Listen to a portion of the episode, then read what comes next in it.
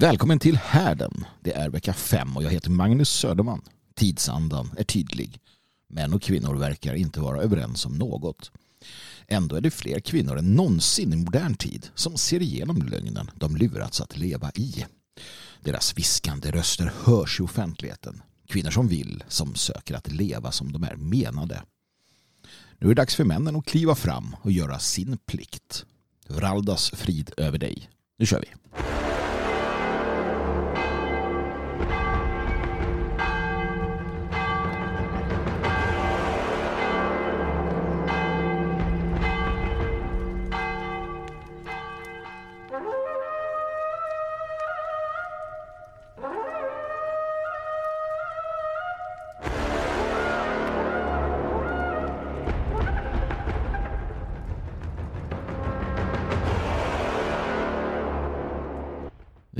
Med jämna mellanrum är det ju värt att återbesöka det kanske viktigaste av alla ämnen, nämligen dynamiken mellan män och kvinnor och vad som händer i samhället. Det är ju som det är. Vi ser det, vi märker av det, vi hör om det och vi läser om det och det syns på sociala medier. Samtidigt sitter en hel generation av äldre svenskar och är helt, helt ovetande om om dessa problem. För att de, de få som finns kvar levde i en helt annan tid, en helt annan värld. Där man inte teoretiserade lika mycket, utan där man levde. Där man inte um, hade tid, all tid i världen, verkar det ofta som. Att uh, fundera och, och, och djupdyka i, i den här typen av frågeställningar. Kanske är det det helt enkelt som har ändrats Kanske är det därför de här äh, bekymren dyker upp.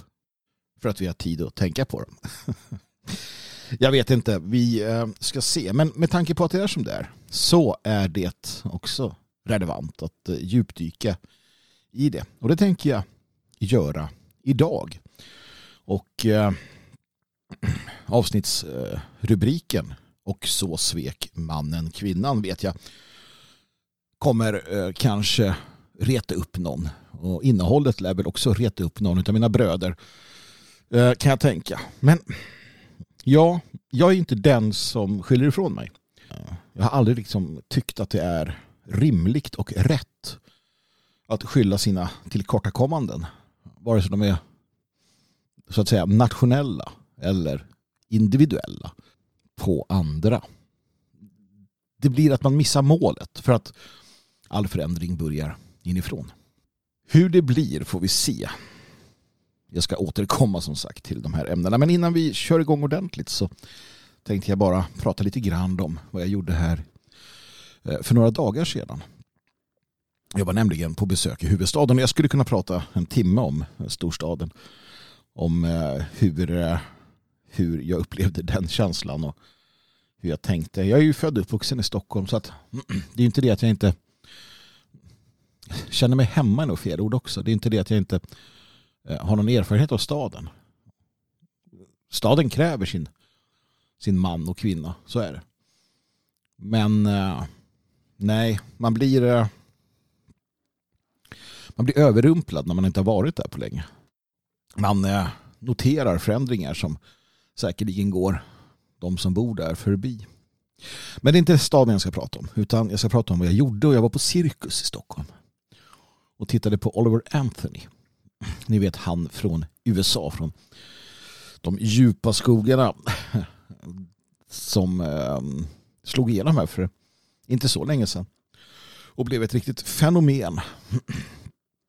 Och han eh, valde att förlägga sin eh, världsturnépremiär i Stockholm.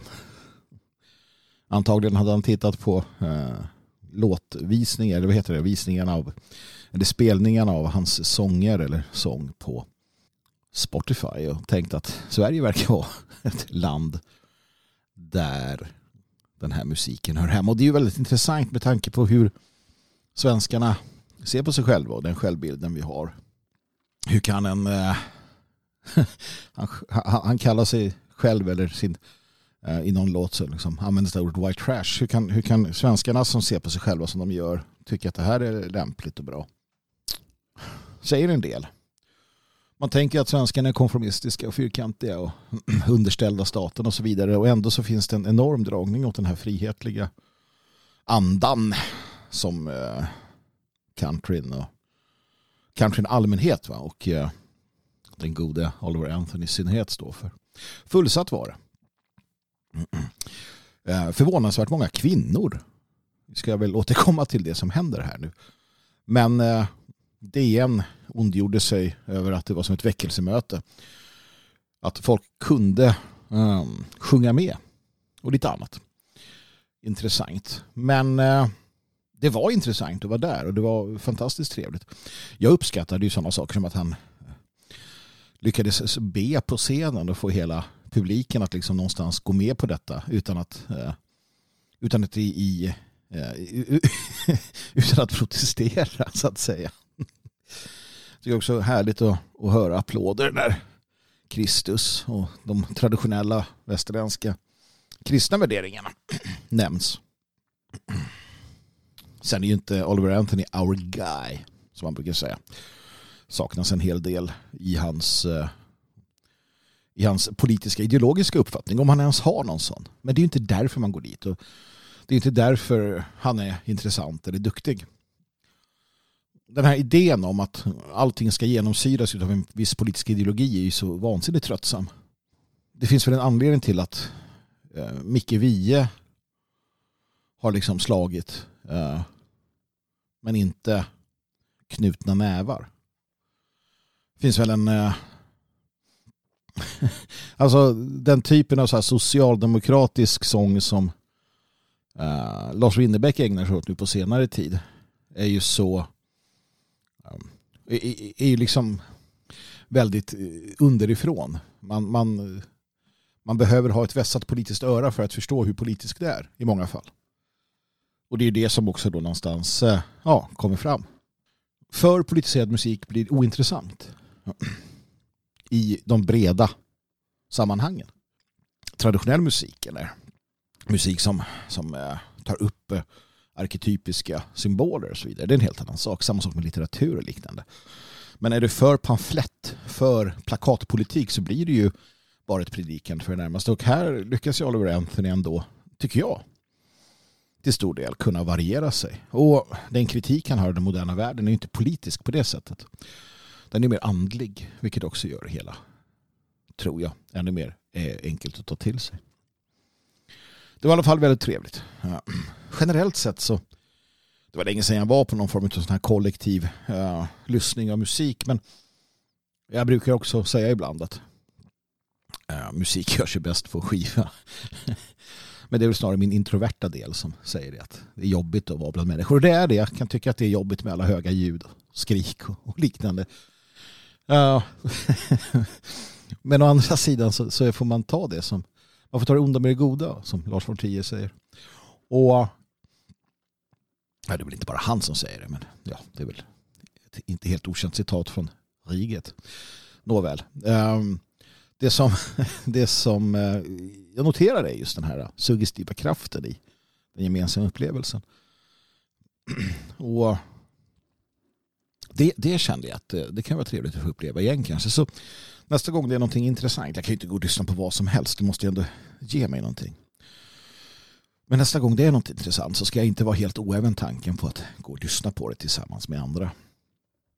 Jag ska skriva lite mer om det här på hemsidan eh, angående min eh, upplevelse av Oliver Anthony här på, på Cirkus.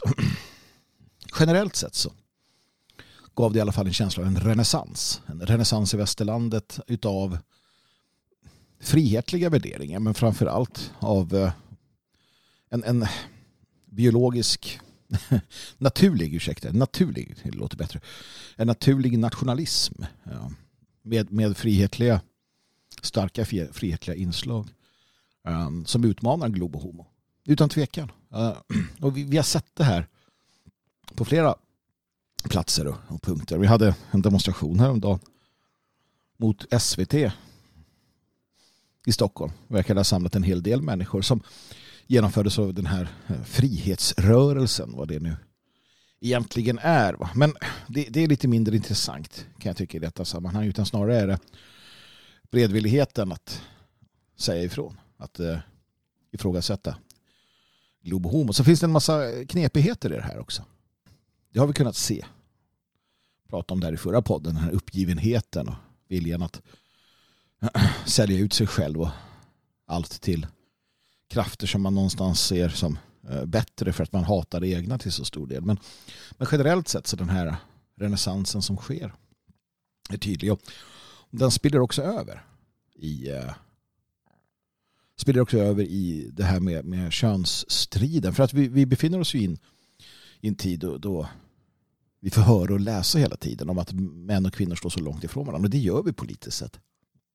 Men mänskligt gör vi nog inte det. Politiskt ja. När, när andra tillåts sätta etiketter på vad vi tycker och tänker så, så hamnar vi på varsin sida. Men om de eh, etiketterna skulle tas bort och vi skulle bara se det manliga och kvinnliga i en samhällelig kontext så tror jag att vi skulle inse att oj, de här pusselbitarna passar ju bra ihop. Men då måste vi så att säga ta bort vissa saker. Och det är en, en av de eh, stora uppgifterna som vår opposition har. Det är att ta bort de här, eh, de här på, påklistrade falska benämningarna. Falsk altruism eller falsk medmänsklighet eller vad det kan vara. Eh, jag känner en stark tillfredsställelse med att det går åt rätt håll. Det händer mycket och som sagt jag ska djupdyka lite mer nu i programmet här Eh, om detta med manligt och kvinnligt utifrån en del artiklar och texter eller vad jag har sett på, på nätet. Uh, innan vi gör det dock. Ett stort tack till uh, alla er som stöttar härden. Alla er som finns där och hjälper till för att ni tycker det här är bra. Alla ni som prenumererar. Alla ni som sprider och framförallt då ett särskilt tack till eldvakterna. Ni som ger långt utöver det ni så att säga behöver. Ehm, um, Magnussoderman.nu, min hemsida, uppdateras med eh, ojämna mellanrum. Men den uppdateras och när den väl uppdateras så blir den riktigt, så är det riktigt, riktigt bra. Men innan vi eh, börjar som sagt så gör vi som vi brukar. Vi inleder med en bön och jag hoppas att ni alla som lyssnar är med klockan 20.00 varje dag och ber den här tillsammans med mig. Att vi skapar den kraften bland härdens folk. Men låt oss göra det också nu som inledning. Be tillsammans. Allfader, gör mig till ett redskap i din strid. När fienden fylkas, låt mig vara redo. Att stå dem emot, att värna mitt folk, att möta mitt öde, att modigt göra min plikt. Allfader, där hatet gror, låt mig så kärlek. Där oförrätter begåtts, förlåtelse. Där misströstan råder, hopp. Där mörker utbreder sig, ljus. Där bedrövelse härskar, glädje. Gudomlige mästare, hjälp mig så att jag inte längtar lika mycket efter att bli tröstad som att trösta. Att bli förstådd som att förstå. Att bli älskad som att älska. Det är i givandet som vi mottaga. Det är när vi skänker förlåtelse som vi blir förlåtna. Och det är genom döden som vi föds till evigt liv.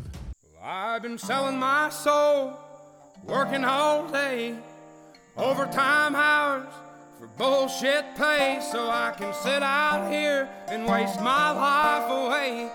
Drag back home and drown my troubles away. It's a damn shame what the world's gotten to people like me, people like you. Wish I could just wake up and it not be true, but it is. Oh, it is living in the new world with an whole soul. These rich men oh, north of Richmond,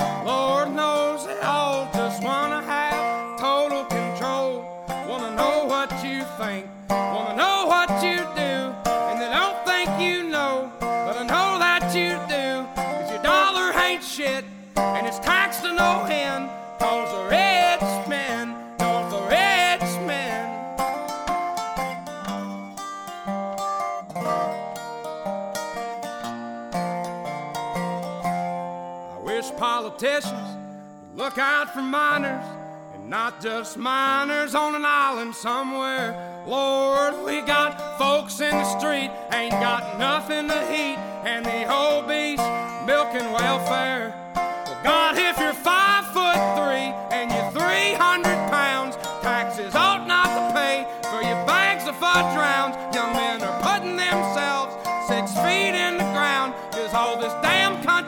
Does is keep on kicking them down.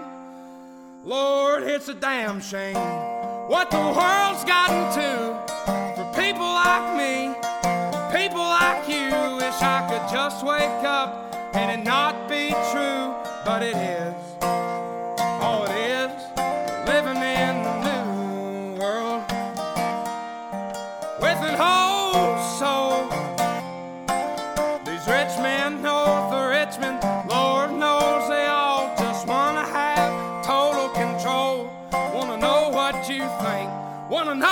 You do, and they don't think you know, but I know that you do, cause your dollar ain't shit, and it's taxed to no end, cause the rich men know the rich men.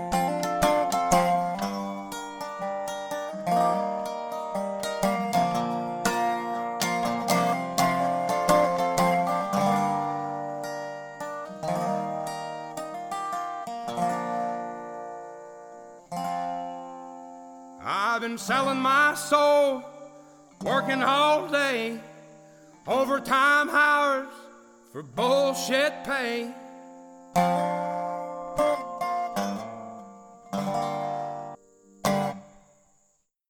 Mm, det där var alltså Oliver Anthony Richman North of Richmond. En ganska sann beskrivning av väldigt många människor, framförallt i USA, eh, hur deras liv ser ut. Men vi går ju mot det i Sverige också. Hela Europa går mot prekariatet som trycks ner av eliterna och folket som kommer i kläm. En sak som, eh, som eh, har lett fram till det här är naturligtvis det som har hänt mellan könen. Det, det är så fundamentalt. Ras och kön, två saker som är fundamentala här i världen. Kanske de enda fundamentala sakerna.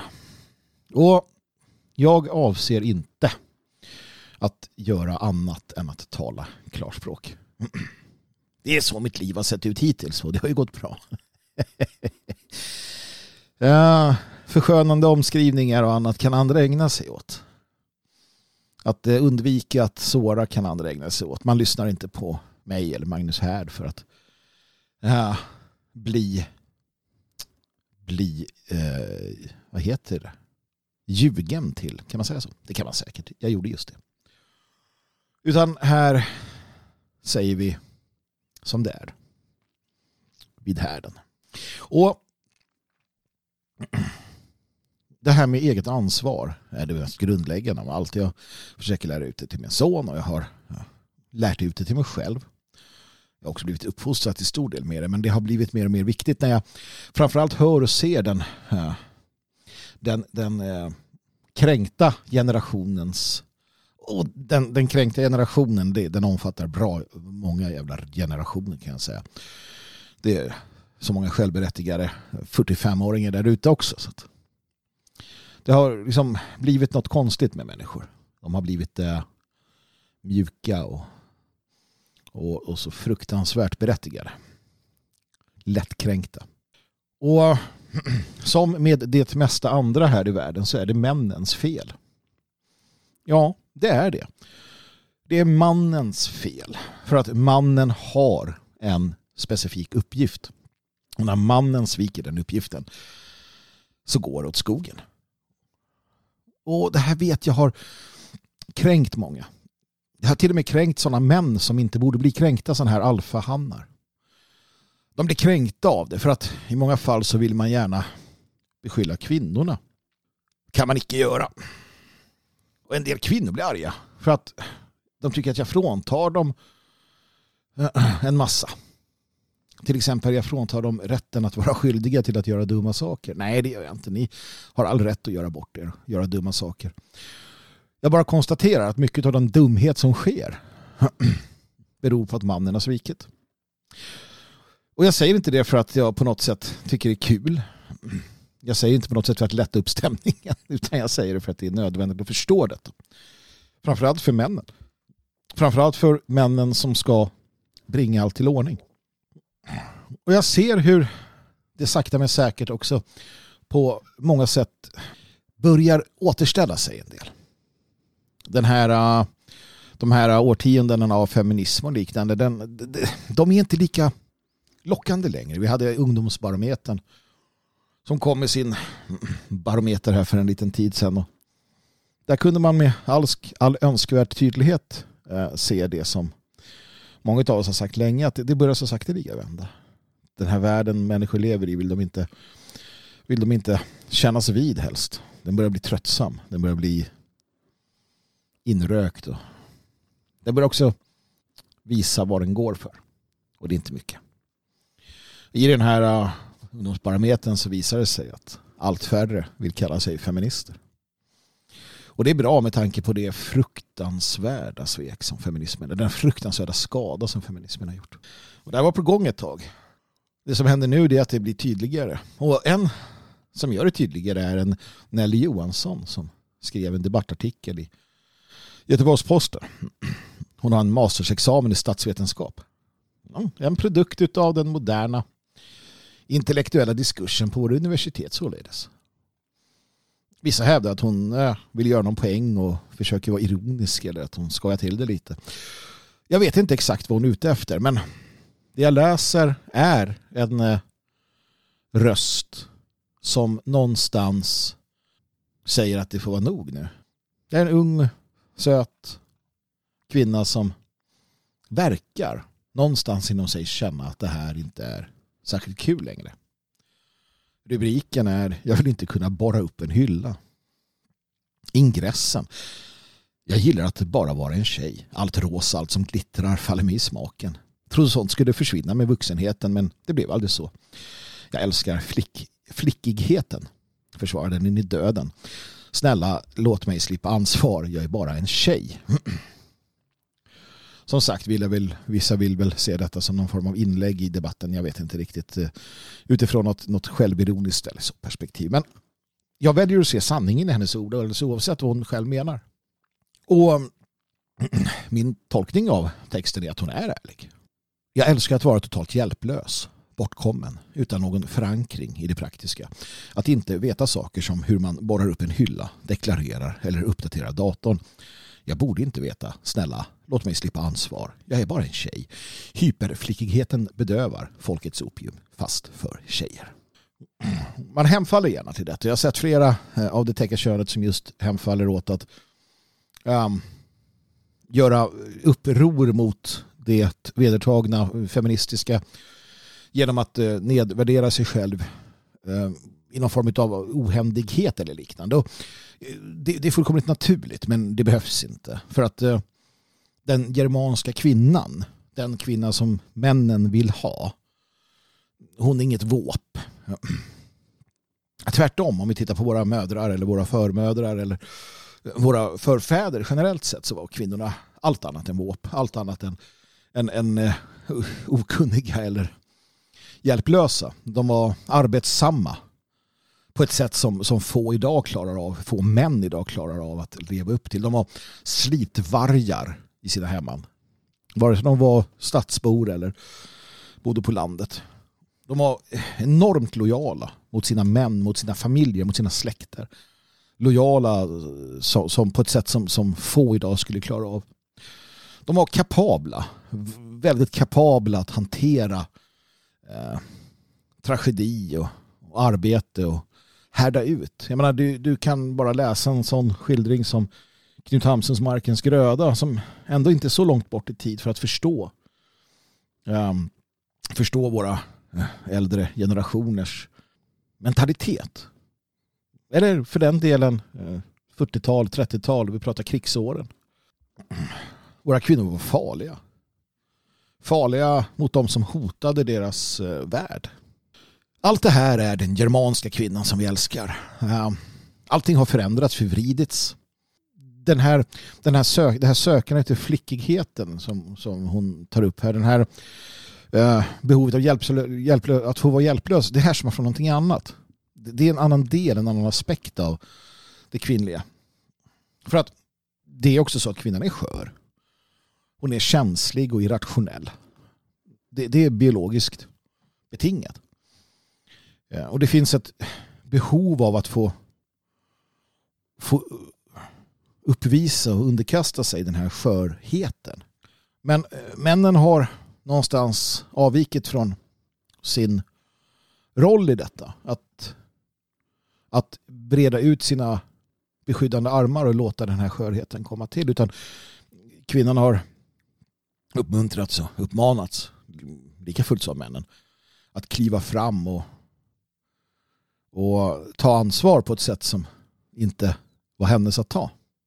Och i takt med att kvinnan så att säga sparkas ut ur hemmet där hon har kunnat prestera precis utefter sin eh, biologiska programmering på en plats där de stora frågorna kan släppas. Där hennes mentalitet och hennes kynne, hennes ja, programmering kan komma till fullt utlopp så har hon eh, blivit, eh, blivit utslängd i den stora världen. Med allt vad det innebär. Och behövt ta ställning till frågor som vare sig intresserar eller på andra sätt och vis eh, eh är, är en del av den besluts och fattningsprocess som, som är naturlig. Och det är en otjänst. Det är i lika stor grad en otjänst som att göra det samma för mannen. Att låta, låta eh, mannen fatta beslut i små eh, alltså i de nära frågorna.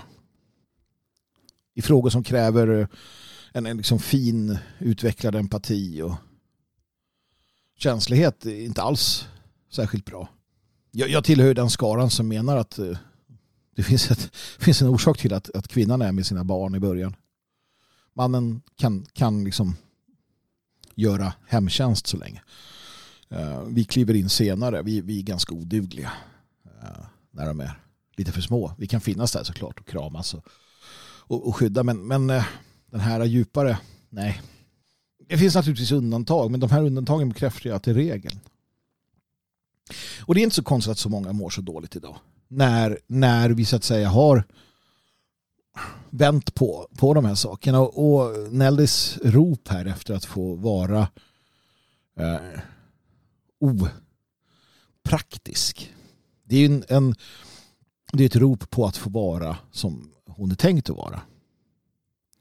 Och jag menar, det här finns ju också en aspekt av i, i det att vi då har alla ensamhushållen och, och allting. Det här att du måste klara av allting. Du måste vara eh, du måste vara den som, som gör allt från att rensa i vasken och slå ihjäl spindlarna till att och stryka och laga mat och städa och och du har ingen att dela de här bördorna med. Du har ingen att dela det här livet med. Och det gör att man söker en, en eh, man söker liksom ett utlopp för det här. Och det är också ett, en aspekt av det här. Och i grunden är det männens fel att det har blivit så här. För att vi svek genom att tillåta den här äh, livsfarliga idén om jämställdhet att krascha över oss. Vi svek när vi inte satte ner foten och sa nej. Ni är fel. Vi tillät en sammanblandning av rollerna könsrollerna på en samhällelig nivå.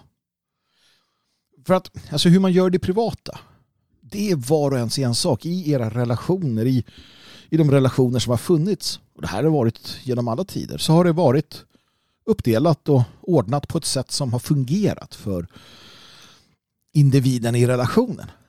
Och hur man väljer att göra det i sitt hem. Det ska ingen lägga sig i. Och där hävdar jag att det inte finns rätt eller fel. Det som funkar för familjen, för de tu, är rätt. Det som inte funkar är fel. Men det är på en, det är på en låg nivå. Och då menar jag låg i form av att det är på en lägre nivå. Det är inte en samhällelig nivå. För på samhällelig nivå, som med så mycket annat, så måste det vara väldigt tydligt och väldigt rakt och väldigt klart vad som gäller. Och här har mannen i kraft av samhällets beskyddare kapitulerat och kastat in handduken. Männens uppgift genom historien i den värld vi lever så som vi är programmerade av naturen. Mannens uppgift är att hålla blicken framåt, uppåt mot den stora bilden. Det är mannens uppgift. Det är mannens uppgift att gå ut i krig och dö. Det är mannens uppgift att utforska och spränga gränserna, att eh, erövra ny mark. Att eh, göra allt det här som gör att hemmets helgd kan värnas. Det är att försvara samhället mot yttre och inre fiender. Mot förrädiska ideologier. Det hade varit att sätta ner foten mot feminismen och sagt nej, hit men inte längre. I det lilla så också i det stora, självfallet. Jag kommer komma till det här lite senare, men självfallet så ska man lyssna. Man ska lyssna på sina kvinnor. Allt annat är fullständigt vansinne. Men det är en sak att lyssna och det är en sak att tillåta främmande krafter, fientliga krafter som i form av vänsterfeminismen, att slå rot i samhället. Den typen av agitation som skedde när det här kom skulle ha förbjudits, stampats ut, jagats, kastats på skräphögen, inte accepterats. Det är väldigt enkelt. Och att vi inte gjorde det är orsaken till att vi är där vi är idag. Männen svek sin uppgift som samhällets försvarare. Det kan inte ses på något annat sätt. Det är männens ansvar. Borde inte kvinnorna, det kan man tycka. De borde inte ha anammat idén om feminismen. De borde också ha haft klokskap nog att se igenom vad som hände. Men det är inte relevant. Det relevanta är att se vad nationens försvarare gjorde och inte gjorde. Och männen svek. Det kan finnas tusen och ett skäl till varför. Det finns tusen och ett skäl till varför. Och det finns tusen och ett skäl till varför vi jamsar med idag. Och det är för att det finns en svaghet hos mannen när det kommer till det känslomässiga spelet och de känslomässiga aspekterna med kvinnan. Vi tenderar att i relationen de facto underställa oss. För att vi inte orkar, för att vi inte tänker att det kanske är så viktigt. För att vi tänker att vi vill få ligga lite och då är det bättre att inte vara för avig och kantig. Och det är en fin balansgång och man måste känna varandra och det är en massa saker. Men mannen svek sin plikt som samhällets beskyddare av olika skäl och de har fortsatt att göra det. Och det som händer när männen när männen sviker sin plikt och det kan du se i den personliga relationen också när mannen i relationen slutar att vara den dominerande kraften. Det vill säga med enkla ord när kvinnan tämjer sin man. Alltså fullt ut, inte lite grann. För att i den naturliga relationen så pågår detta hela tiden. Men om mannen blir vad man, eh, vill jag minnas, säger i Tyskland fittknäckt. Alltså när han är under hennes häl. När han har givit upp. Ja, då är han ointressant. Och det vet du som kvinna som lyssnar. Du vet ju det. När mannen har gett upp inför dig, ja men då är han ointressant. Punkt slut. Ja, så är det med den saken. Och det förstår ni väl alla att det också gäller på samhällelig nivå när männen i samhället, när mannen som samhällelig kraft har givit upp inför det feminina, ja, då är den mannen som kollektiv helt ointressant. Och då söker man sig annorstädes för att få det man behöver.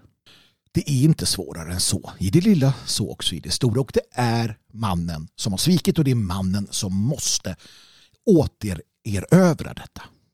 Det är bara där vi landar. Jag säger inte det du vill höra kanske, men jag säger det du måste höra. Jag säger det som alla borde höra. Jag säger det som borde sägas av Sveriges Television. Jag säger det som borde skrivas i varenda tidning. Att mannen måste återerövra sin ansvarskänsla. Mannen måste kliva fram. Mannen måste visa sig värdig. Och ja, det handlar om det. Jag vet att det där inte klingar så väl i manosfären alltid. Men mannen måste visa sig värdig. det finns en hel uppsjö av grundläggande idéer från Languadoc och från den höviska kärleken och modersgudinnan och att sätta kvinnan på piedestal. Att eh, eh, den höviska kärleken och riddarna som knäböjer inför um, de, de upphöjda kvinnorna etc. etc. Och allt det här är en del av den västerländska synen. Jag ska inte gå igenom detta nu men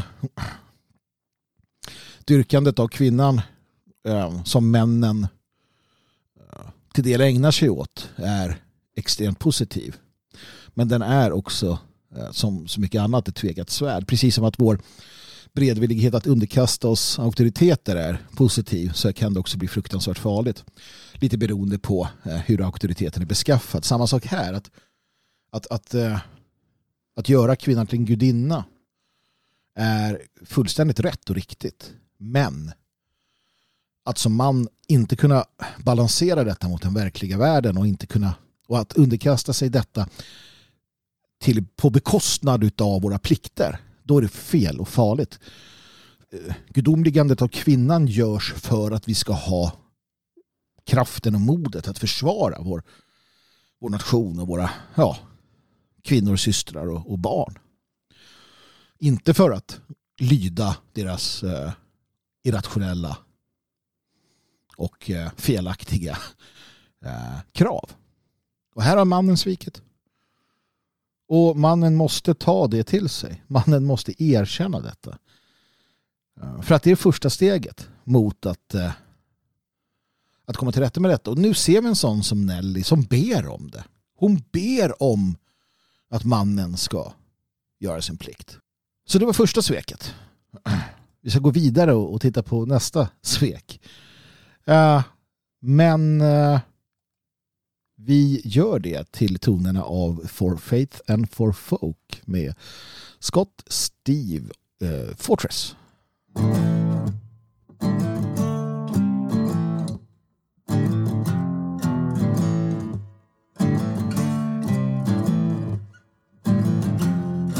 regards to our kinsmen across the sea of common blood against the common enemy. The cast I tribe the imposters from the east who run the outlaw state built on usury. No more shall we fight one another. Never again should we kill our brothers. We turn down that road, fracture silence, a world of pain. We go to war now for faith and for folk around the world now. For faith and for folk, for race and nation. For faith and for folk, stand united. For faith and for folk.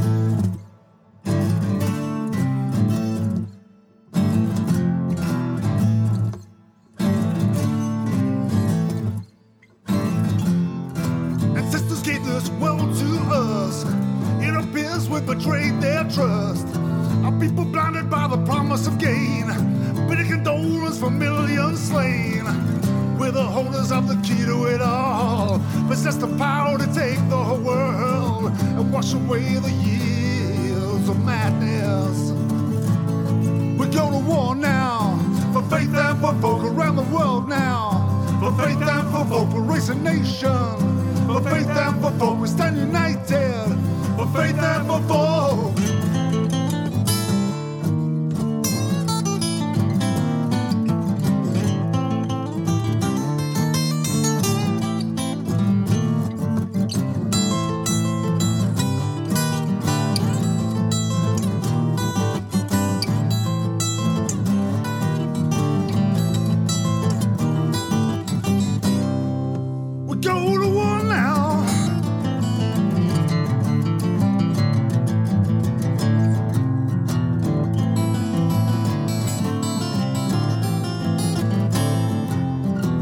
march towards a new beginning. Our race is every intention of winning. With strength of will, we'll crush the monster's threat. Slaves to the dollar will put to death. We battle in the streets of our countries.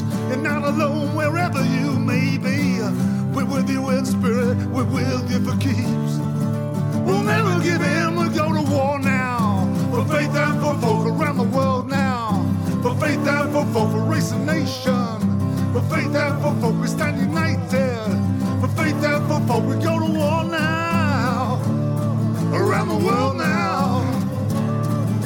a nation. We stand united for faith and for hope. Vi...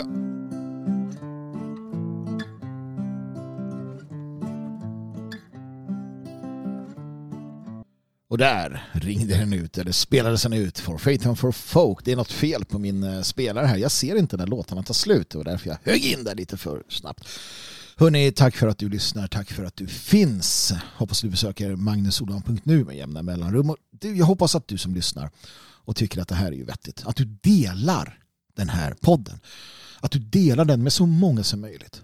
På sociala medier eller vart den är. Alltså om du känner att det här var ju bra. Ja men tror du inte att andra skulle tycka att det var bra? Känner du inte att andra skulle behöva höra det här? Dela den här vidare så är du snäll. Jag har inget annat sätt att göra det på än genom din benägna hjälp. Någonting som dyker upp ganska ofta nu för tiden, allt oftare, är eh, sådana här videoklipp där unga tjejer, det finns två typer här, ett som jag ska prata om, ett som jag bara vill nämna. Och det jag bara vill nämna det är det eh, där unga tjejer framträder och eh, pratar om att de ångrar sina sessioner på Onlyfans och liknande. Och det är bra. Det är bra att de ångrar det. Kvinnor ska inte sälja sig billigt. Kvinnor ska inte sälja sig för pengar så som sker idag. Ni är mycket mer värda än det. Ehm, så det är positivt. Det är en del av en förändring när de inser hur de, hur de eh, förstör sitt eget värde genom att eh, bjuda ut sig på det sättet. Det är, det är en evig sanning och det var någonting som eh, kvinnor, eh, unga kvinnor en gång i tiden lärde sig av sina mödrar. Att eh, inte sälja sig billigt. Att hålla på sig. Att vara väldigt selektiva. Att vara väldigt försiktiga. För att de förtjänar det. Det andra jag vill prata om det är de videos som dyker upp i sociala medier av framförallt unga kvinnor som har kommit ut i arbetslivet och inser att oj vad jobbigt det här var. Oj vad jag inte klarar av det här. Oj vad jag inte vill leva så här. Vad är det som händer? Jag har inte råd, jag har inte tid, jag, jag blir helt slut eh, och så vidare och så vidare och så vidare. Framförallt sker det här i USA. De har lite annorlunda um, arbetsmarknad än vad vi har i Sverige. Men det finns någonting här och, och, och, och det är värt att ta, ta, ta fasta på. För det är skillnad på arbete och arbete. Framförallt när det kommer till, eller inte framförallt, det gäller både män och kvinnor. Det finns arbeten som passar män bättre och arbeten som passar kvinnor bättre. När en kvinna är på ett arbete som passar hennes kynne, som passar hennes eh, eh, kvinnlighet, ja, då kommer hon förvisso vara trött som alla andra när man har arbetat, men inte utbränd på det sättet som man blir. Och det är det jag tror är den stora skillnaden. För att det är klart att det finns plats för kvinnor på arbetsmarknaden. Det finns de här idéerna om att kvinnan bara skulle vara hemma och, och så vidare. Och visst funkar det för henne och funkar för relationen och, och familjen. Så absolut, jag har inga problem med det. Jag, jag, jag lägger ju inte i hur man vill ha det i sin personliga relation. Om det funkar för er att, att kvinnan arbetar och mannen hemma, ja men funkar det så funkar det. Jag pratar samhälleliga nivån. Ja. Och då är det uppenbart att kvinnan under en ganska lång tid är hemma för att man har en familj. Men i brist på en familj så finns det inget som säger att kvinnan inte kan vara i arbetslivet. Tvärtom. Hon vill vara i arbetslivet. Och hon har mycket att tillföra i ett samhälle, självklart. Vi bor och lever i ett postagrart samhälle där det inte finns den typen av gårdssysslor längre. Det är inte på bred front, utan tvärtom så finns det mycket annat. Och, och här handlar det ju om att förstå och vägleda på ett klokt sätt. Som jag ser det så är det optimala utbildning. Alltså, nu pratar vi kvinnan igen. Eller jag pratar kvinnan nu. Utbildning, och det gäller männen också, utbildning. Efter det samhällstjänst. När du är klar med utbildningen, samhällstjänst. Uh, kan vara värnplikten, civilförsvar eller liknande. För att lära sig att bli och vara en del av ett samhälle men också att växa upp, att gå igenom de här riterna som, som kanske Eh, saknas hemma vid. Eh, att alla ska få den chansen. Det gäller kvinnor precis som män. Och det här är en tid då mycket fokuserar på det egna och det inre och ganska mycket könsseparerat.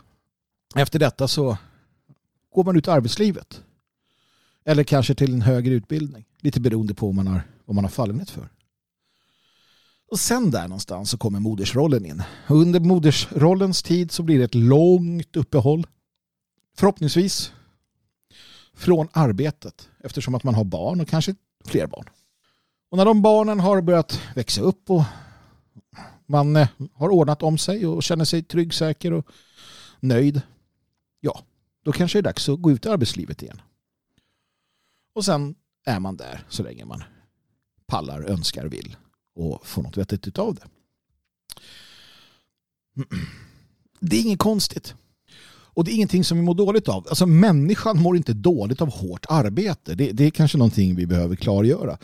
Människan mår utomordentligt bra av hårt arbete. Det finns någonting som är rätt objektivt och det är äh, ordning och reda. Det är rutiner. Det är att, att äh, sträva efter detta. Det är rätt.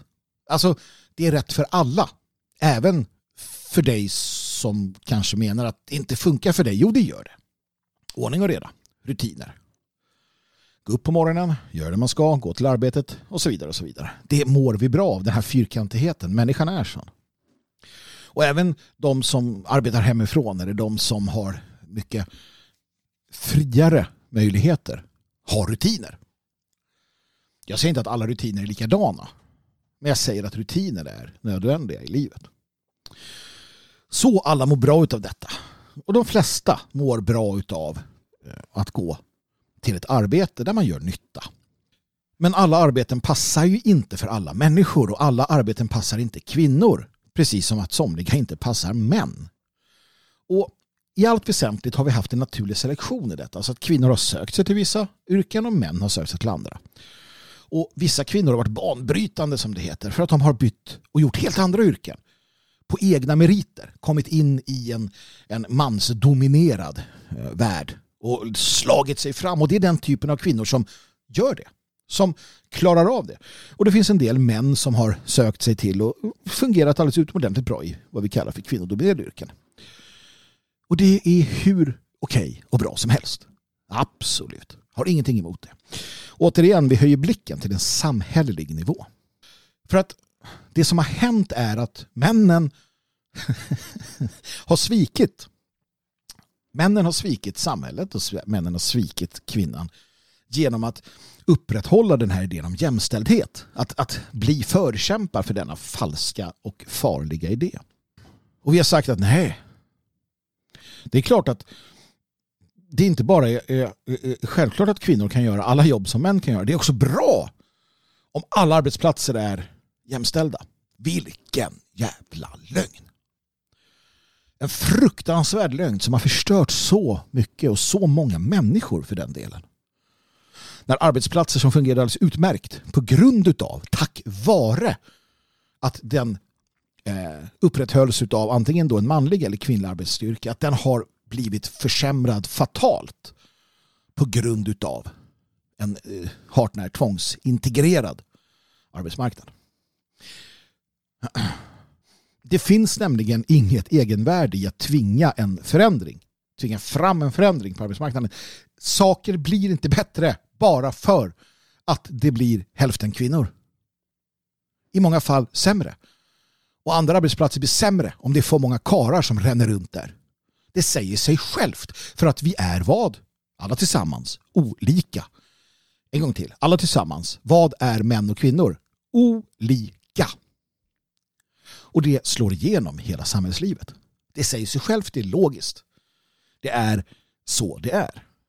Och det finns arbeten som är manligt kodade. Och om jag tittar på utifrån de jag har erfarenhet av på ett eller annat sätt, till exempel polisen. Där har jag erfarenhet, inte för att jag själv är polis eller har varit polis, men jag har pratat med poliser. Jag har pratat med poliser som har förklarat och berättat hur det har förändrats sen man fick idén om att kvinnor skulle in och patrullera med dem. Jag har hört om osäkerheten. Osäkerheten i patrulleringen, i ingripandena. För att man vet att min kollega inte har den fysiska förmågan att backa upp om det blir handgemäng. För en tjej på 1,60 har inte, oavsett vad du har sett på film, har inte förmågan att utmana och möta en våldsman på 1,80. Punkt. Det är biologiska jävla omöjligheter som man på något sätt försöker tuta i oss. Och på samma sätt är män antagligen i de flesta fall helt jävla odugliga på att göra eh, många av de jobb som är vårdande kanske eller analytiska eller utredande som, som kvinnor kanske då lämpar sig bättre för. Inom bygg, snickare och liknande så vet jag att eh, man satsar hårt för att få tjejer att, att eh, så att säga hamna på inom citationstecken golvet. Vilket leder till att de manliga på golvet får bära mer, får eh, täcka upp för att man orkar kanske inte. Man orkar inte på samma sätt. Man orkar inte stå med spikpistolen eh, ovanför huvudet och slå eller vad det nu kan tänkas vara. Och det betyder inte att de kvinnorna inte kan jobbet. De kan vara väldigt skickliga. Väldigt skickliga på det de gör. Men man orkar inte lika mycket och det blir ett problem i längden. Sen finns det naturligtvis tillfällen då kvinnor pallar med det på ett helt annat sätt och, det är undantaget som bekräftar regeln. Det finns naturligtvis också hantverksyrken som är alldeles utomordentligt lämpade för kvinnor. Men den här typen av industri, industriellt snickeri och liknande, nej, mig veteligen utifrån dem jag har pratat med både män och kvinnor funkar inte särskilt bra. Samma sak inom åkerinäringen. I vissa fall, vissa typer av åkeriarbeten, absolut, kvinnorna fungerar utomordentligt bra. Andra inte så. Jag har varit med om att kvinnor har inte klarat av att flytta pallar. Man har inte orkat rubba saker och vidare. Jag har själv jobbat med det. Man har inte klarat av att göra det som behövs på flaket när man ska krana någonting till exempel, flytta på någonting och måste be kunden om hjälp för att man inte har det fysiska i sig. I andra delar när det inte krävs lika mycket fysiskt så kan kvinnorna vara fantastiskt duktiga. Detaljstyrda och på alla sätt och vis klara av jobbet. Men framför allt så är det manligt kodade och yrken som av naturen domineras av män för att vi är sådana. Och kvinnorna har inte varit särskilt intresserade av det. Och sen har vi andra yrken, de vårdande yrkena naturligtvis, som framförallt passar kvinnorna. Och som jag sa, analytiska yrken som passar både män och kvinnor som är analytiska. Utredande yrken, liknande där män och kvinnor passar. Och som sagt, det finns inom hantverk och industri och liknande såklart positioner och roller som passar kvinnor utomordentligt bra. Man måste bara inse olikheterna.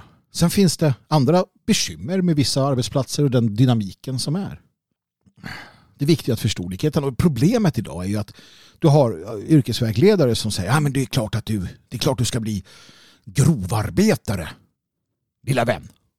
För att det är bra. Det är bra om hälften på grovarbetarföretaget AB eh, är små nätta kvinnor. Fantastiskt bra. Nej men det är ju inte det. Det är ju dumt om det är så. Här är det ju meritokrati som gäller. Det du passar för. Det är det du ska ägna dig åt i allt väsentligt. Sen finns det ett problem med de här onaturliga serviceyrkena. Där man ska le och vara glad ständigt och eh, aldrig kunna ha en dålig dag. Mm. Det är otroligt onaturligt, otroligt destruktivt. Och andra problem är ju stressen och hur, hur arbetsmarknaden ser ut på olika sätt och vis. Meningslösheten i många arbeten som man upplever och så vidare. Det här konsumtionssamhället där, där man bara känner sig som en eh, kugge i ett maskineri. Alla de aspekterna finns ju också där. Men jag lämnar dem därhän denna gång för att nu pratar jag man och kvinna. För att den här hopplösheten på arbetsmarknaden, det här, det här, van, den här konstiga, den här, det här med, med liksom, eh, oflexibiliteten och så vidare. Hela den delen, det här, man är bara ett en kuggigt maskineri, det, det, det, det gör både män och kvinnor illa. Va? Gör det. Så att det är den saken. Men en annan aspekt på de här blandade arbetsplatserna som, som liksom är en naturlig del av det vi, det vi lever i. Så finns det ett problem där männen inte förstår att vara män. på för många arbetsplatser som... Eh, och det här är anekdotiskt, jag vet. Och det spelar ingen roll för anekdotisk bevisföring är ganska bra. På för många arbetsplatser så finns det för många veka män som inte klarar av att professionellt stå emot kvinnorna som av naturen använder sina vapen som naturen, Gud har givit dem för att vinna fördelar. Man släpper det professionella. För många män har blivit för eh, oprofessionella, för förklemade av samhället för att klara av detta. Och det är ett problem. Alltså, en blandad arbetsplats är inget problem när de naturliga könsrollerna upprätthålls. När mannen vet att vara man. Så går det alldeles utmärkt med den typen av eh, delade arbetsplatser. Men när mannen inte klarar av detta. När mannen inte klarar av att vara man. Då blir det kaos. Och det är för många arbetsplatser som är på det sättet. Där kvinnor, och nej jag håller inte det mot kvinnorna. För att kvinnorna är biologiskt programmerade att söka fördelar genom att använda sina vapen mot män. Man kan inte anklaga vargen för att den jagar. Och här svek männen. Männen svek när de inte stod på sig och sa nej. Nej, det finns ingen inneboende vinst i att mansdominerande yrken ska ha fler kvinnor. Vi skulle ha sagt nej. Männen skulle ha sagt nej. Och sagt att nej, tvärtom. Vi skulle ha litat på naturen. Som stipulerar att visst, kvinnor kan. Kvinnor kan definitivt. Jean d'Arc, till exempel.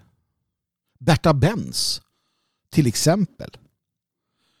Det finns eh, Amelia Earhart, det finns massor. Massor med exempel på kvinnor som har klivit fram. Och de gjorde det för att de var menade att göra det. Men det är inte varje kvinnas dröm eller roll. Och att, att förmå kvinnor att söka yrken som de egentligen inte, om de är ärliga mot sig själva, vill ha. Nej. Det vi skulle ha gjort naturligtvis är att uppvärdera de yrkena som kvinnorna söker sig till. De vårdande yrkena specifikt. Och det är en skam att så inte görs för att de är så pass viktiga. Och sen finns ju naturligtvis med tanke på utvecklingen och tekniska språng också möjligheter för kvinnor att söka sig till olika typer. Alltså inom rättsväsende, inom bygg, inom alla de här områdena. Men kanske inte just till det som kräver den här manliga brutaliteten. Den manliga styrkan eller vad du vill. Men då måste man våga prata om det. Då måste man vara beredd att prata om manligt och kvinnligt precis som man måste vara beredd att prata om ras.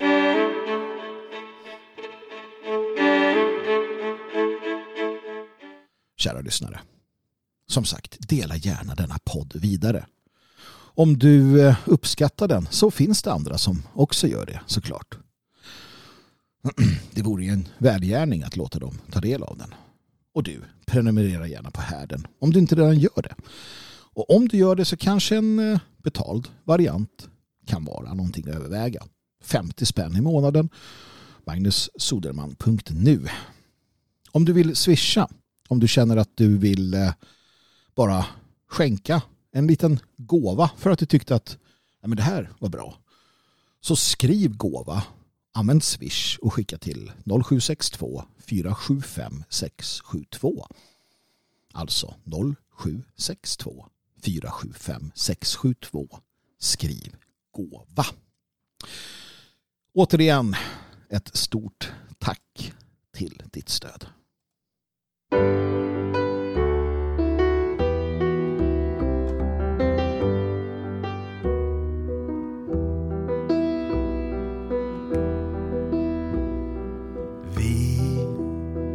Som hade allt. Tänk att nu sitter vi här och minns att just vi som en gång hyllade så. Styrkan är nu bara grå. Och tänk, tänk vi avsa oss allt som vi inte tyckte. Hörde ungdomen till. Arbete, hem och familj. Så nu har vi bara varann. Så tag en broder, madam ur vår tynande skara och bjud ur den karaff som bars fram vinet det röda och klara som, som vi hädade då. Läpparna pryddes av en jäckande min. Lockande kyssar och skratt. Nu endast tjusad av natten. Så tag en broder madam.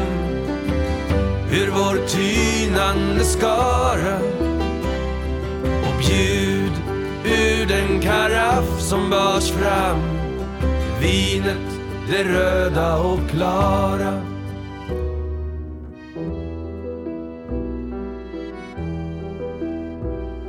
Säg, säg vart för detta stråt som lönar de järnskodda till ett hav vill jag tro där våra synder får ro skinande vita som svanar.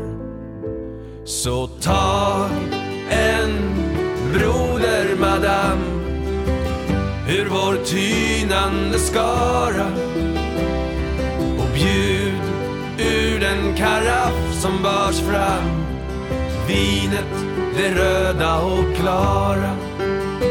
Så tag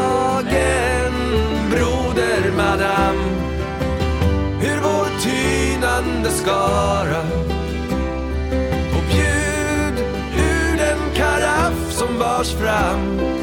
Vinet det röda och klara.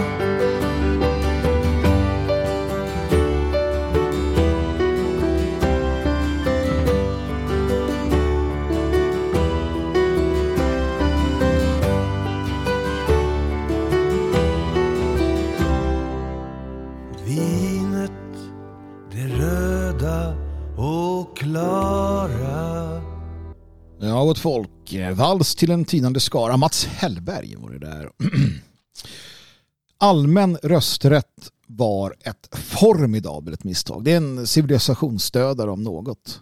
En civilisationsstödare. Uh, eh, införandet av den allmänna rösträtten var sista spiken i kistan för västerlandet som vi kände det och vi håller på att bara begravas här nu så att vi kan få en uh, återuppståndelse till någonting annat, någonting bättre det är viktigt att förstå att eh, ett folk består av för många ointresserade. För många som är ointresserade av den politiska styrningen. De är för ointresserade av framtiden på, ett samhälleligt, på en samhällelig nivå för att allmän rösträtt ska vara fungerande. För många är också för okunniga. Alltså okunniga rent kognitivt. För många ser liksom inte konsekvenserna utan tänker kortsiktigt etc. etc. Därför ska rösträtten vara villkorad. Till exempel till kanske människor som har gjort militärtjänsten eller civilplikt på andra sätt. Kanske människor som eh, investerat i samhället genom att de är egna företagare. Eller familjer. Familjer som har valt att sätta nya generationer till, till världen. Själviska människor kanske inte ska ha själviska eftersom att man då ser hur de lever kanske inte ska ha rösträtt. För att de är själviska. Det finns olika sätt till detta. Så att problemet är egentligen inte kanske kvinnlig rösträtt per se utan allmän rösträtt. Men det finns och det fanns väldigt många bra argument mot kvinnlig rösträtt när det begav sig. Och nu är det dags för kvinnorna att bli arga. Och säga, men jag klarar ju av det här. Ja, det är möjligt att du gör det. Och som jag sa så är nog allmän rösträtt värre än kvinnlig rösträtt. Men jag tycker det är viktigt att titta på de argument som de kloka satte upp inte bara män utan också kvinnor, när den kvinnliga rösträtten eh, togs upp. Och motståndet mot den kvinnliga rösträtten var inte att kvinnorna på något sätt skulle vara korkade. Inte att de inte skulle klara av det rent kognitivt. Inte att de var liksom mindre värda. Det fanns säkert en del kräk som tyckte så. Men, men de bryr oss inte om. Utan, utan nu tittar vi på sådana som Kjellén och andra. Alltså viktiga och kloka män och kvinnor för den delen. Det man var orolig för. Och Germaine Greer, den stora feministiska författaren, hon har skrivit om det här. Hon skrev lite hånfullt att när den kvinnliga rösträtten ehm, debatterades så sa många män att eh, om det blir en kvinnlig rösträtt, om den går igenom så kommer liksom familjen och samhället etc. etc. att, att eh, eh, förstöras. Det kommer bli normbrytande och det kommer bli etc. Och hon sa, och så blev det. Och hon var ju glad över det. Hon tyckte att det var rätt. Hon, var, hon är marxist. Hon var liksom allt det dåliga du kan tänka dig. Så argumenten var inte att kvinnan var dålig eller dum eller korkad utan argumentet var att om man öppnar upp för kvinnlig rösträtt så kommer staten få anledning att lägga sig i barnkammaren. Alltså sånt som de inte har med att göra. För att kvinnan framför allt är vårdande. Hon är hemmakär. Hon är eh, och ser till det lilla. Hon ser till människan. Hon ser till individen. Hon ser den stackars ensamma flyktingen på havet som behöver räddas. Men hon ser inte konsekvenserna av att hundratusen ensamma räddas och förs till Sverige eller Europa. Här är skillnaden. Kvinnan ser inte på samma sätt det stora, den stora bilden som mannen. Och därför menade då folk att om vi ger kvinnan rösträtt på lika villkor så kommer de frågorna att ta oproportionerligt stor del. Och man kommer vinna genom att lova saker på de områdena. Vilket kommer resultera i att de stora frågorna tar stryk. Till exempel, vi ska ha en extremt hög invandring för att vi ska rädda alla dessa enskildiga, oskyldiga, ensamkommande barn samtidigt som försvarsmakt läggs ner. Och Det är det kvinnliga tänkandet. Sen kan det gott och väl skifta rätt som det är när fara hotar. Så att det var med insikten om de biologiska skillnaderna i hur vi tänker som man sa nej, ingen rösträtt. Och det var därför som eh, vänstern, vänsterliberalerna sa vi ska ha rösträtt. För att man visste att man kunde garantera sin makt genom detta. Det är inte svårare än så. Att eh, säga ifrån, eller säga emot detta är kontrafaktiskt. Det som man varnade för skedde. Insikten var att med kvinnlig rösträtt så kommer frågor som hör familjen till bli föremål för röstfiske. Och med tanke på kvinnans biologiska programmering och mannens natur så kommer samhället försvagas och männen förklenas. Punkt. Och precis så blev det. För kvinnan är vårdande, empatisk och känslostyrd vilket är fenomenalt bra i en relation i en familj i hemmet med barnen. Men inte när det kommer till samhällsbygge. Då är det fullständigt vansinnigt att vara för vårdande, empatisk och känslostyrd. Det finns aspekter av det. Absolut. Och återigen, jag stänger inte dörren för kvinnligt deltagande i samhällsdebatten, för guds skull. Men staten, samhället ägnar sig åt de stora frågorna. Rättsväsende, försvar, infrastruktur, framtid. Alltså liknande. Man måste fatta svåra beslut som vilar på logik. Till exempel ska vi ha kanonbåtar i Medelhavet kanske. Vi kanske ska sänka en av de här fartygen som kommer. För då räddar vi på sikt hela vår civilisation. Det är en stor fråga. Är vi beredda att offra 50, 100, 200 för att rädda miljoner? Det är manliga frågor. Manlig programmering, manligt tänk. Och det är det som bygger civilisationer. Så här. Kvinnan är själva grundpelaren i familjen. Familjen skapar folket och folket samhället och civilisationen. Och då är det mannen som kliver fram. Det finns undantag. Men undantagen bekräftar bara regeln. Att vi män lät kvinnorna axla ansvar som vi visste någonstans, som våra förfäder, våra föräldragenerationer eller tidigare visste att det här klarar de inte. det här kommer inte bli bra. Men att man ändå tillät det för att man, ja jag vet inte, kanske inte var det svårare än så att man inte ville ha, höra tjatet och man, man hoppades få, få, få komma till. Vi är ganska enkla på det sättet, männen.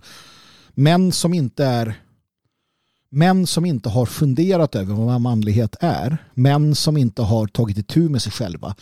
Män som inte har genomgått individuationen. Män som inte har själva funderat över och kommit till sans med vilka de är. Män som låter sig själva vara känslodrivna. Ja, de låter sig lätt styras. Män är någonting helt annat och det finns otroligt få män idag. Och det är därför vi har de problem vi har. Och det började för länge, länge sedan. Men det var ett svek. Och det var det stora sveket som vi lider av under än idag. Männen svek kvinnorna och vi betalar priset för att titta på hur det ser ut. Relationer åt helvete, könsroller åt helvete, politisk polarisering istället för lagarbete och så vidare. Och allt detta är ett resultat av de beslut som män fattade, som män tilläts eh, gå igenom, som män accepterade. Det är inget ansvar som man kan fly undan.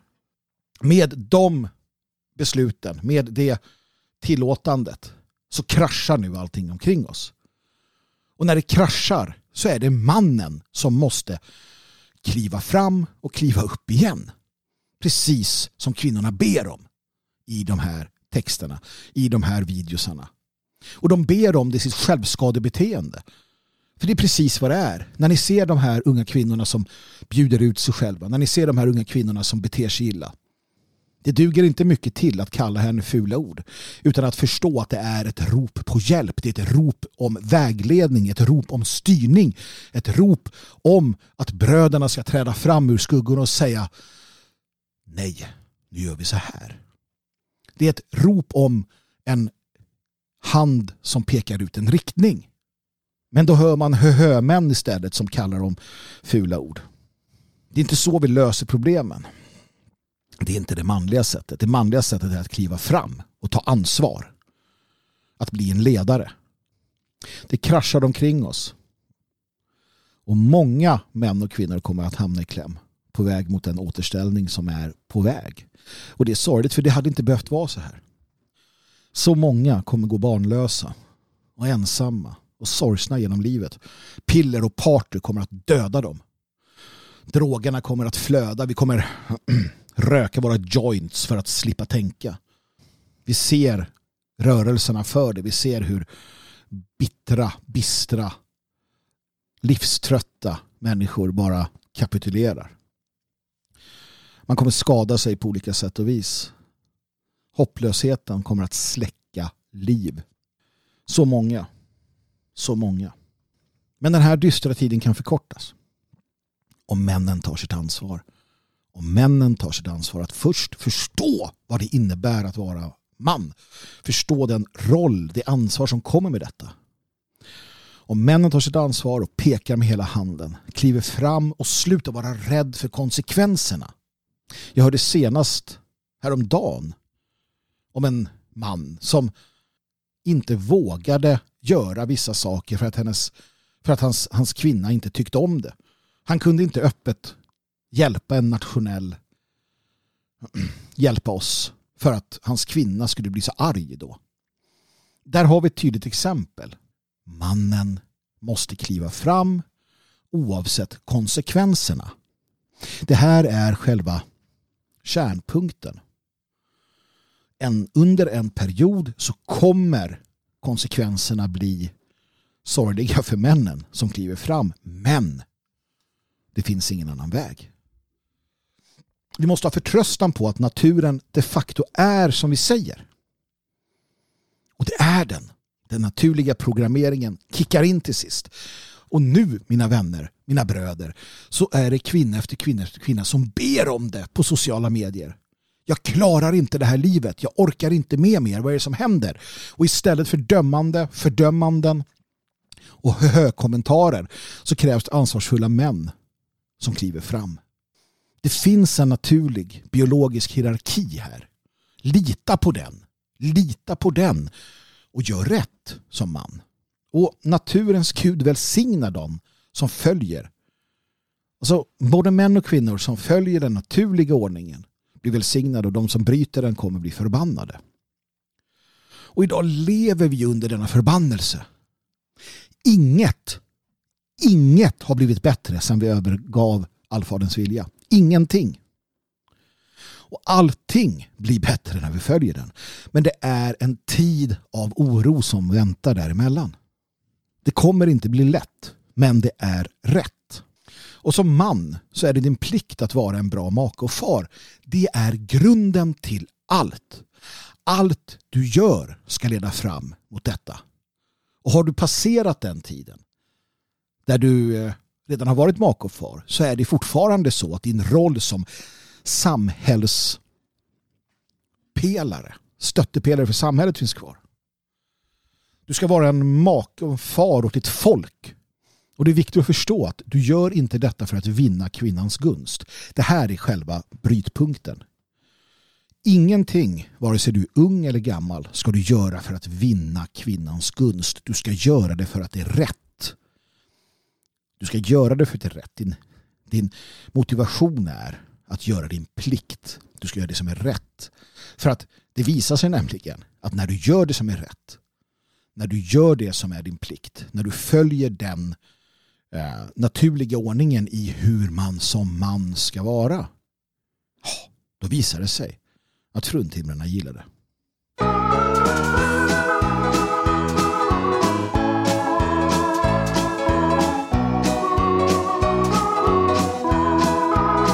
Jag går på stigen som går till Evert och jag ska dit och ta mig en dram. Det klirrar muntert ut i min väska när jag i solen går stigen fram. Du gamle Evert, jag är på väg nu. Det var ett tag sen vi såg varann. Men jag har med mig just det du gillar så vi kan festa allt vad vi kan. Evert är den bästa kompisen jag har. Såna gubbar finns det inte många kvar. Och om jag blir ledsen någon gång ibland hjälper han mig då så gott han kan. Jag går på stigen som går till Evert och hjärtat sjunger en glädjesång. Jag får väl gå här i några timmar. Jag är väl framme ikväll någon gång. Det blir skönt att sitta ner och vila sig ett tag. När jag kommit fram till Evert blir allt jättebra. Jag går på stigen som går till Evert och han ska få sig en riktig sup. Jag är på väg nu, du gamle Evert. Snart ska vi festa i skogens djup.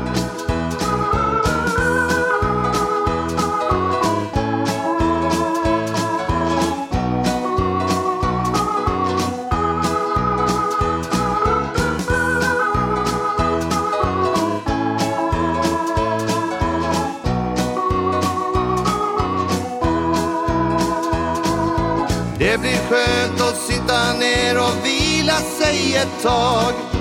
När jag kommer fram till Evert blir allt jättebra. Jag går på stigen som går till Evert och jag ska dit och ta mig en dram. Det klirrar muntert ut i min väska när jag i solen går stigen fram. När jag i solen går stigen fram.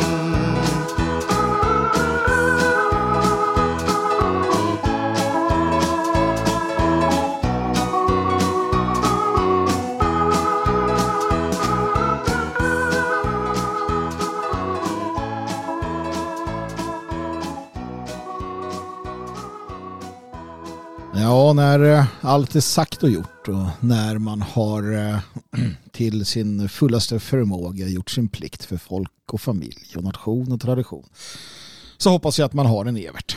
En Evert att gå till, kanske med en eh, flaska i fickan. Kunna sätta sig vid hans bord och ja, prata om gamla tider, sånt som har varit och sånt som komma skall. Jag tänkte att det var härligt att lätta upp stämningen lite grann. Och vem gör det bättre än Eddie Medusa här med då låten Evert. Sista små kommentarerna här kring det ämne som vi har pratat om, som jag pratat om.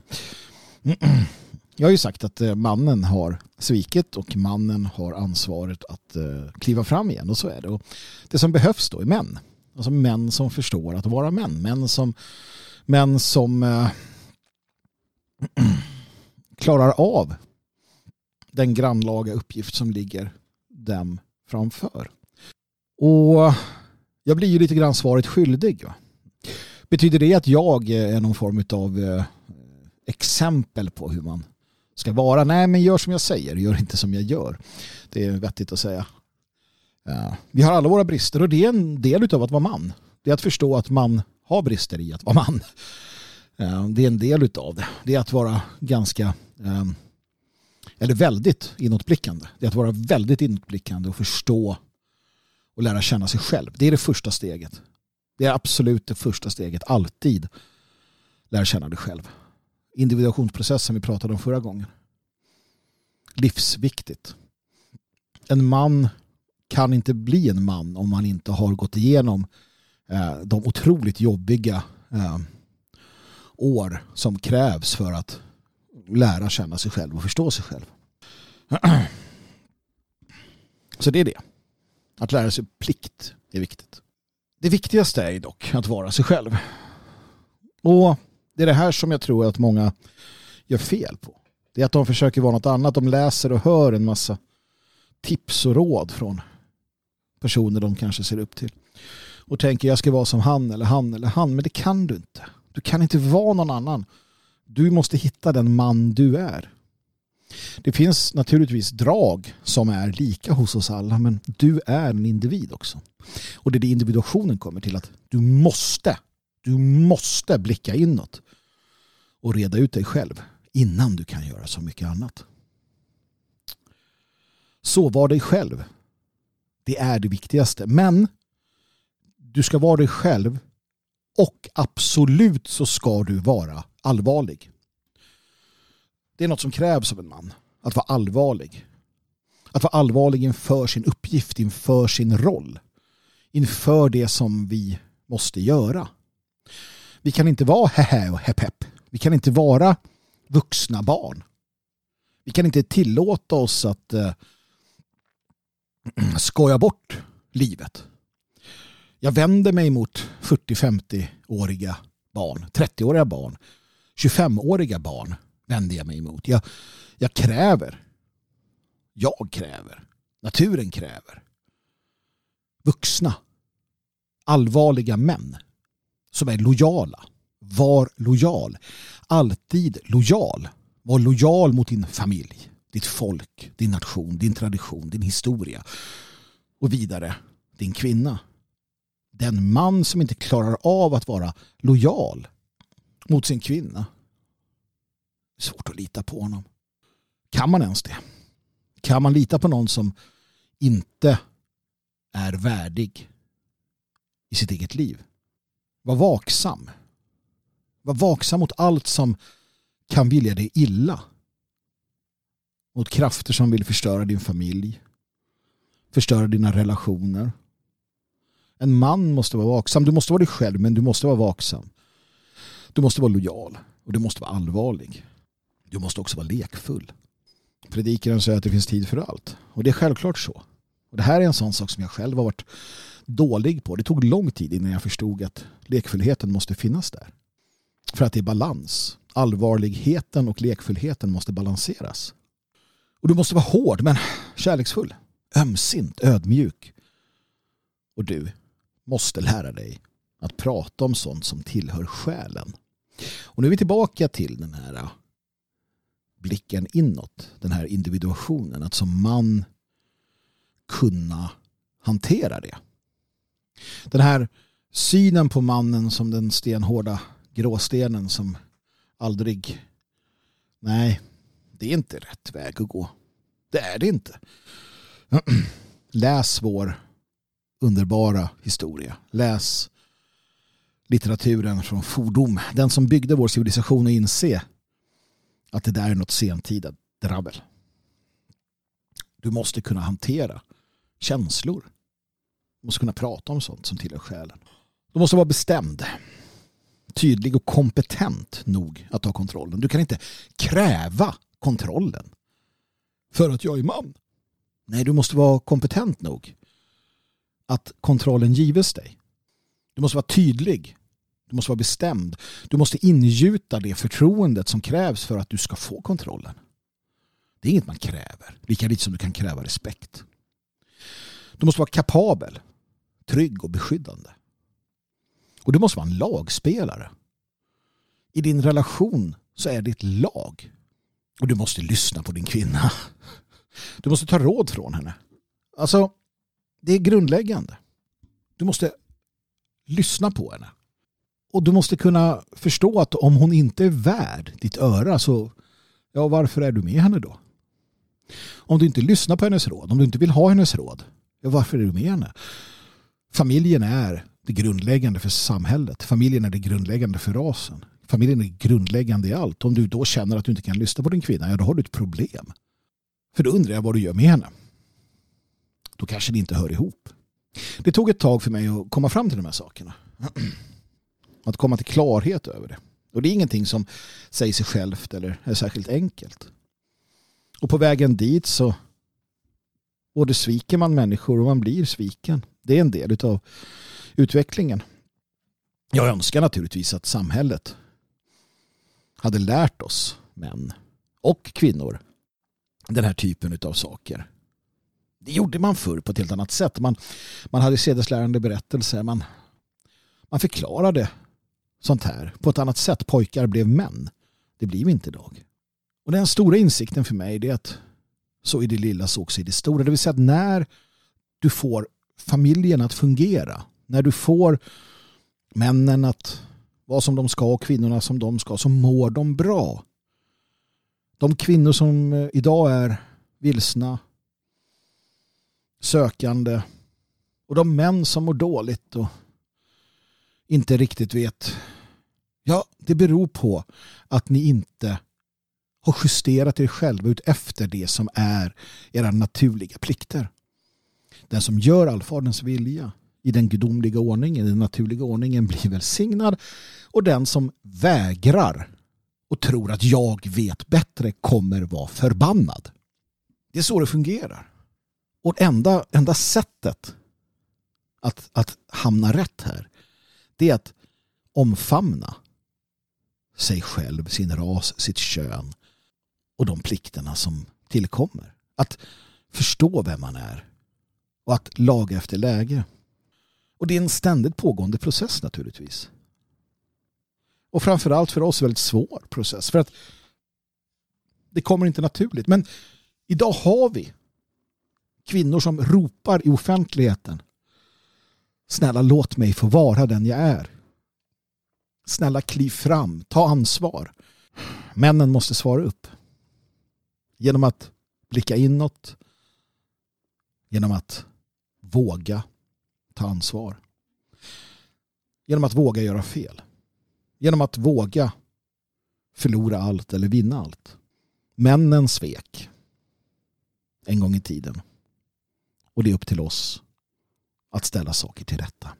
Var en varulv, slåss med troll och befria prinsessor. Det är att leva. Och du, ge aldrig upp.